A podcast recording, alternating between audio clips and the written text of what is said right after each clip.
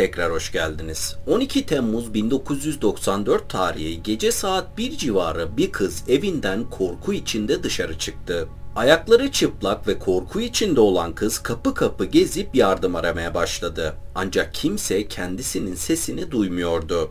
Sonunda yaklaşık 3 kilometre kadar koşan kız komşu kasabaya geldiğinde ışığı açık olan bir restorana girdi ve yardım istedi. Bu küçük kızın evinden kaçmasının öncesinde ve sonrasında yaşananların hikayesi. Hazırsak hikayemize başlayalım.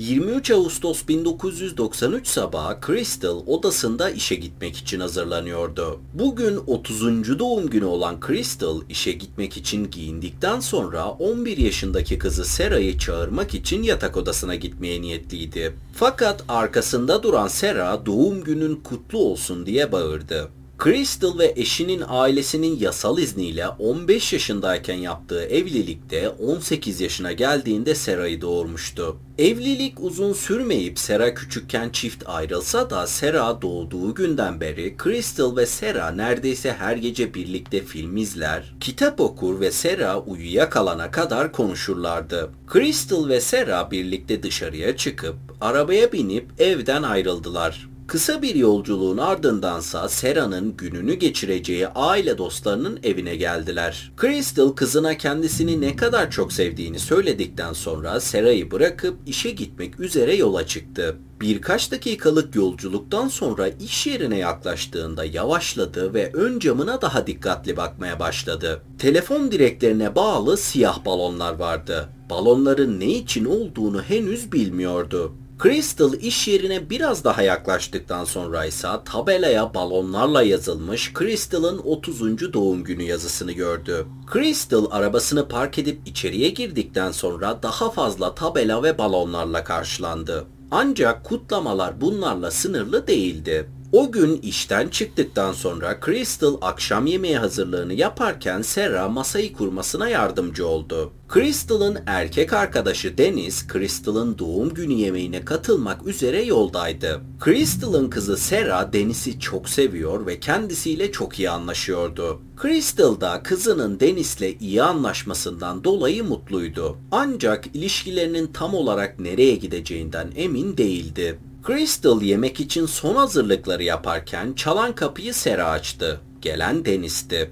Deniz Sera'ya sarıldıktan sonra içeriye girip Crystal'a doğum günü kartını ve hediye paketini uzattı. Birkaç dakika sonra ise üçlü mutfak masasına oturup akşam yemeğini takiben doğum günü pastasını yediler. Hediyelerini de açtıktan sonra oturma odasına geçip bir süre sohbet ettikten sonra Sera yorgun hissetmeye başladı. Sera odasına geçip uyuduktan kısa bir süre sonra ise oturma odasından gelen bağırma seslerine uyandı. Bağırma seslerinin ardındansa ön kapının şiddetlice açılıp kapandığını duymuştu. Sera ne yapacağına karar vermeye çalışırken oturma odasından gelen annesinin ağlama sesini duydu. Crystal'ın doğum günü mahvolmuştu. Çünkü Deniz çok sinirlenmişti. Sinirlenme sebebi Crystal'ın gelecekle ilgili tereddüt ettiğini söylemesiydi. Bu ani patlamanın nedeni önemli değildi. Çünkü Crystal'ın Deniz sinirlendiğinde agresif ve korkutucu bir insan olduğunu görmesini sağlamıştı. Böyle bir adamı kendisinin veya kızının etrafında istemiyordu. Hatta evden çıkarken ilişkilerinin bittiğini açıkça söylemişti. Fakat doğum gününü takip eden aylarda Crystal Dennis'i yeniden hayatına almıştı. Dennis, Crystal'ı geçmişlerini geride bırakıp temiz bir sayfa açmaya ikna etmek için aylarca uğraşmıştı. Üstelik kızı Sera da Dennis'le barışması taraftarıydı. Nihayetinde ise Dennis Crystal'a evlenme teklifi etmiş ve Crystal evet cevabını vermişti.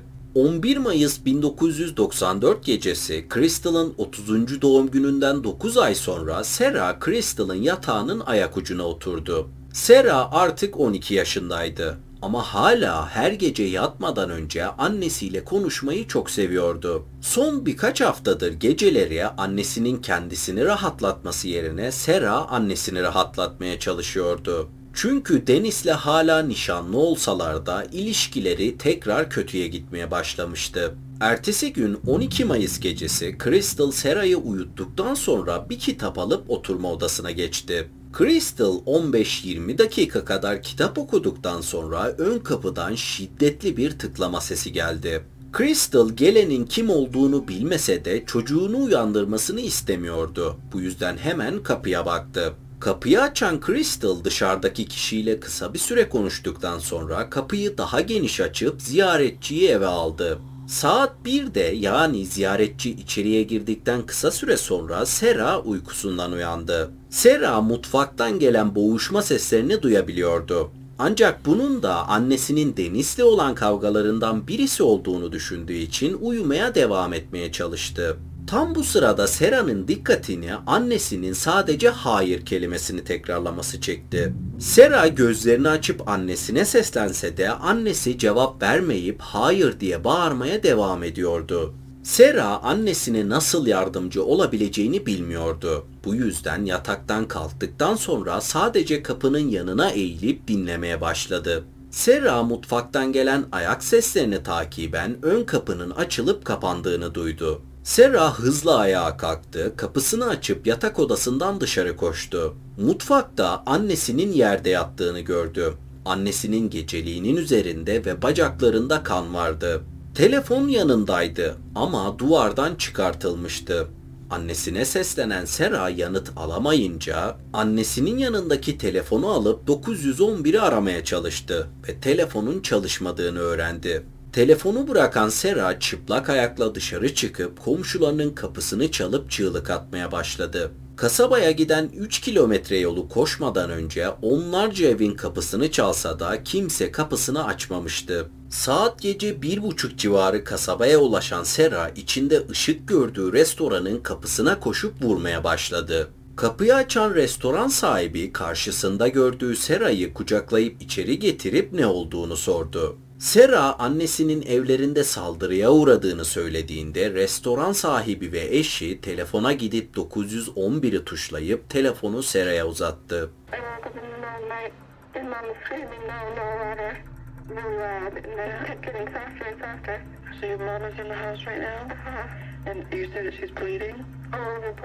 So your mom is in the house right now? And you said that she's bleeding all over the place. 911 çağrısından birkaç dakika sonra davaya atanan dedektif eve geldi. Dedektif eve girerken kendisinden önce gelen sağlık ekipleri kurban Crystal'ın öldüğünü ilan etmişlerdi. Crystal'ın cansız bedenini inceleyen dedektif incelemesini bitirdikten sonra katilin Crystal'ı tanıyan biri olduğunu ve cinayetin bir tutku cinayeti olduğunun kararını çoktan vermişti.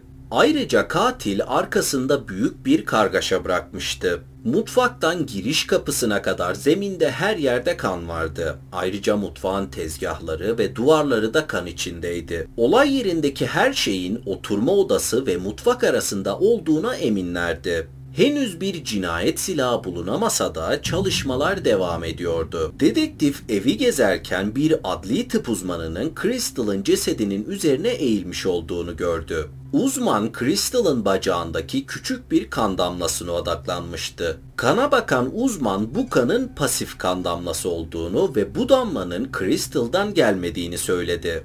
Bu durumda bu damla Crystal'ın direkt olarak üzerinde dikilen birinden Crystal öldükten sonra damladığı anlamına geliyordu. Kan damlasının kesinlikle kendilerini katile götüreceğini düşünen adli tıp uzmanı kan örneğini alırken dedektif ekibini Crystal'ın komşularını, arkadaşlarını ve ailesini bulmaya ve görüşmeye gitmeleri için gönderdi. Bu çabaları sayesinde birkaç saat içinde soruşturmayı harekete geçirecek haberler almıştı. Öldürülen Crystal'ın bir arkadaşı polise iki hafta önce Crystal'ın nişanlısı Dennis'in evlerine geldiğini ve bıçak sallayarak Crystal'ı öldürmekle tehdit ettiğini söyledi. Alınan bu yeni bilgi üzerine dedektifler cinayetten sadece iki buçuk saat sonra Dennis'i sorgulamak üzere ailesiyle paylaştığı eve geldiler. Soruşturma ekibinin çaldığı kapıyı açan Dennis ekibi içeri davet etti ve içeriye yerleştikten sonra dedektif Dennis'e Crystal'ın ölümüyle konuyla herhangi bir ilgisinin olup olmadığını sordu.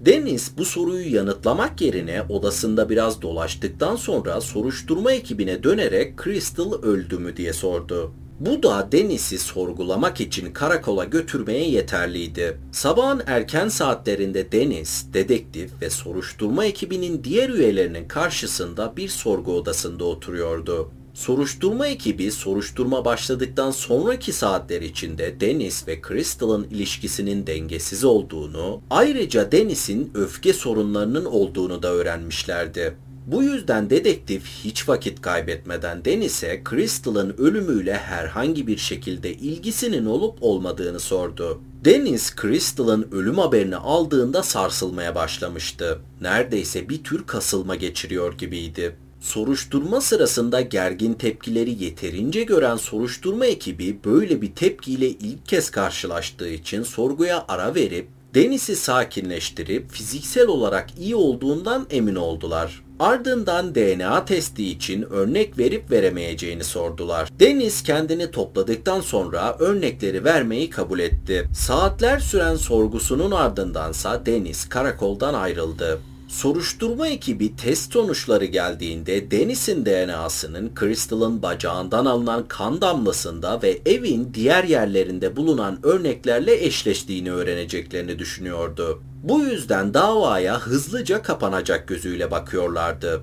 12 Mayıs günü Dennis'in sorgusundan birkaç saat sonra dedektif ve bir polis memuru Sera'nın büyük annesinin evinde bir odaya girdi. Odaya girdiklerinde 12 yaşındaki Sera'yı gün ışığına hareketsiz bir şekilde bakarken gördüler ve görünüşe göre etrafında olan hiçbir şey ilgisini çekmiyordu. Dedektif Sera'ya yaklaşıp kendisini tanıttıktan sonra olayla ilgili hatırladığı ne varsa dinlemek istediğini söyledi. Sera memurlara annesinin çığlığını duyduğunda uykusundan uyandığını, diğer odada ne olduğunu anlayana kadar kendi odasında beklediğini, sonra mutfağa gittiğini ve telefonun bozulmuş olduğunu keşfetmesinin ardından da yardım istemek için dışarıya koştuğunu anlattı. Dedektif Sera'ya bu kişinin sesinin tanıdık olup olmadığını sorduğunda, Sera odasından çıkamadığı için duyduğu tek seslerin bağırmalar olduğunu, bu yüzden diğer kişinin sesini ayırt edemediğini söyledi. Dedektif Dennis'in en olası zanlı olduğuna inanıyordu. Ancak buna karar verebilmek için DNA sonuçlarını beklemek zorundalardı ve şu anda sonuçların gelmesini bekleyene kadar da ortaya çıkabilecek herhangi bir ipucunu da gözden kaçırmak istemiyordu. Aynı günün ilerleyen saatlerinde soruşturma ekibi Crystal'ın arkadaşları ve iş arkadaşlarıyla da görüşmeler yaptılar ve görüşülen neredeyse herkes Dennis'i işaret ediyordu. 15 Mayıs tarihinde Crystal için bir cenaze töreni düzenlendi ve cenazesini takiben soruşturmayla ilgili DNA sonuçları gelmeye başladı. Ancak gelen sonuçlara göre tüm soruşturma çökmüştü. Çünkü Crystal'ın bacağından ve olay yerinden alınan kan örnekleri davadaki ana şüphelilerden hiçbiriyle eşleşmiyordu. Buna ek olarak bu örnekler veri tabanındaki hiçbir suçluyla da eşleşmiyordu. Dedektif ve ekibi cinayetin çözülmesi için hiçbir kanıtları olmadan sıfırdan başlamak zorunda kalmışlardı. Yeni bir dizi görüşme yapmaya başladılar ve olay yeri inceleme çalışmalarını gözden geçirdiler. Ancak tüm teorileri boş birer tahmine dönüşüyordu. Crystal'ın cinayetinin bölgede yakalanamayan bir seri katille bağlantılı olabileceği ihtimalini bile takip ettiler. 1994 yazına gelindiğinde yani Crystal'ın cinayetinden bir yıl sonra davası artık öncelik değildi. 1995 yazına gelindiğinde davada hala yeni bir bilgi yoktu ve neredeyse hiçbir şey bilinmiyordu. 1996 yılının Mayıs'ında Crystal'ın cinayetinden 2 yıl sonra hala yeni bir bilgi gelmemişti. Crystal'ın katilinin yakalanmasına yardımcı olacak olan ipucunu veren kişiye vaat edilen 10 bin dolarlık ödülde yine kullanışlı hiçbir kanıt sunamamıştı. Bundan kısa süre sonra davaya bakan dedektif polis teşkilatından emekli oldu. Sera annesinin cinayeti hakkında yeni bir şeyler duyamadan büyüdü. Liseyi bitirdi, üniversiteye gitti ve bir iş buldu.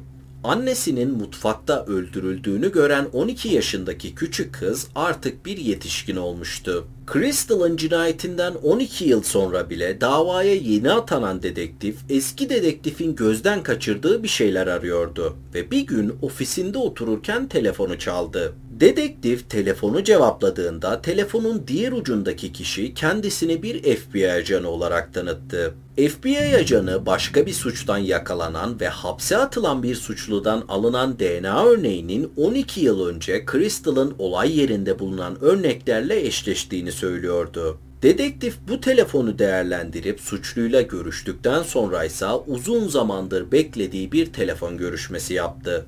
Hapishanedeki suçlunun ifadesine göre Crystal'ın başına gelenler şu şekilde. 12 Mayıs 1994 gecesi saat 1 civarı katil aracıyla sokaklarda dolaşıyordu. Aracını Crystal'ın evinin önüne park ettikten sonra bir süre orada eve bakarak oturdu. Ardından araçtan inip eve doğru yürüdü ve kapıyı çaldı. Crystal sadece kimin olduğunu görmek için yeterince açtıktan ve katili gördükten sonra gülümseyip kendisini içeri aldı. Katil ise eve girdikten sonra mutfak yönünde ilerledi ve mutfağa geldiğinde durdu ve dönüp arkasındaki Crystal'a baktı. Ardından Crystal'a doğru yürüyüp kendisini öpmeye çalıştı. Ancak Crystal hemen katili itip evinden çıkmasını söyledi. Katil Crystal'a doğru bir hamle yaptıktan sonra kendisini yakalayıp yere çekti. Crystal tekmeler atıp kıvransa da kurtulamadı. Crystal'a cinsel saldırıda bulunan katil ayağa kalktıktan sonra bir çekmeceye yürüdü. Çekmeceyi açtığında gözüne bir bıçak çarptı ve bunu gören Crystal defalarca hayır diye bağırmaya başladı. Crystal yerden kalkıp telefona ulaşmaya çalışsa da bu sırada katil de kendisine doğru hamle yapmış ve boğuşma sırasında Crystal telefonu kaybetmişti. Crystal'ı öldükten sonra bile bıçaklamaya devam eden hatta bu süreçte elini kesen katil işi bittikten sonra ayağa kalktı. Bıçağı cebine koyduktan sonra mutfak tezgahına doğru yürüdü. Bir kağıt havlu alıp diz çöken katil zemine akan kanı temizlemeye başladı. Ancak kan çok fazlaydı ve zaten evde çok fazla zaman geçirmişti. Bu yüzden kanlı kağıt havluyu alıp evin içinden dışarı çıktı ve arabasına bindi. Crystal'ın katili olan Michael, kokainle uyuşmuş bir şekilde sokaklarda dolaşan, lisede Dennis'le aynı okula giden ve Crystal'la hiçbir bağlantısı olmayan bir gençti. Michael cinayet gecesi Crystal'ın kapısını çaldığında telefonunu kullanmak istediğini söylemişti. Crystal birkaç kere kasabada gördüğü Michael'ı tanıdığını zannettiği için de içeri almıştı. Ancak Crystal Michael'ı reddettiğinde uyuşturucu ve alkol etkisinde olan Michael bir öfkeye kapılmış ve bir cinsel saldırı sonrasında da kendisini öldürmüştü. Michael cezasına ek olarak Crystal'ın cinayetinden suçlu bulundu ve ömür boyu hapis cezasına çarptırıldı. Crystal'ın kızı Sarah ise annesiyle olan yaşamını ve annesinin öldürülmesinden sonraki yaşamını anlattığı bir kitap yazdı. Vakit ayırıp dinlediğiniz için teşekkür ederim. Aşağıya bırakacağım sosyal medya hesabımdan bana ulaşabilir, hikaye önerebilirsiniz. Kendinize iyi bakmayı ihmal etmeyin. Hoşçakalın.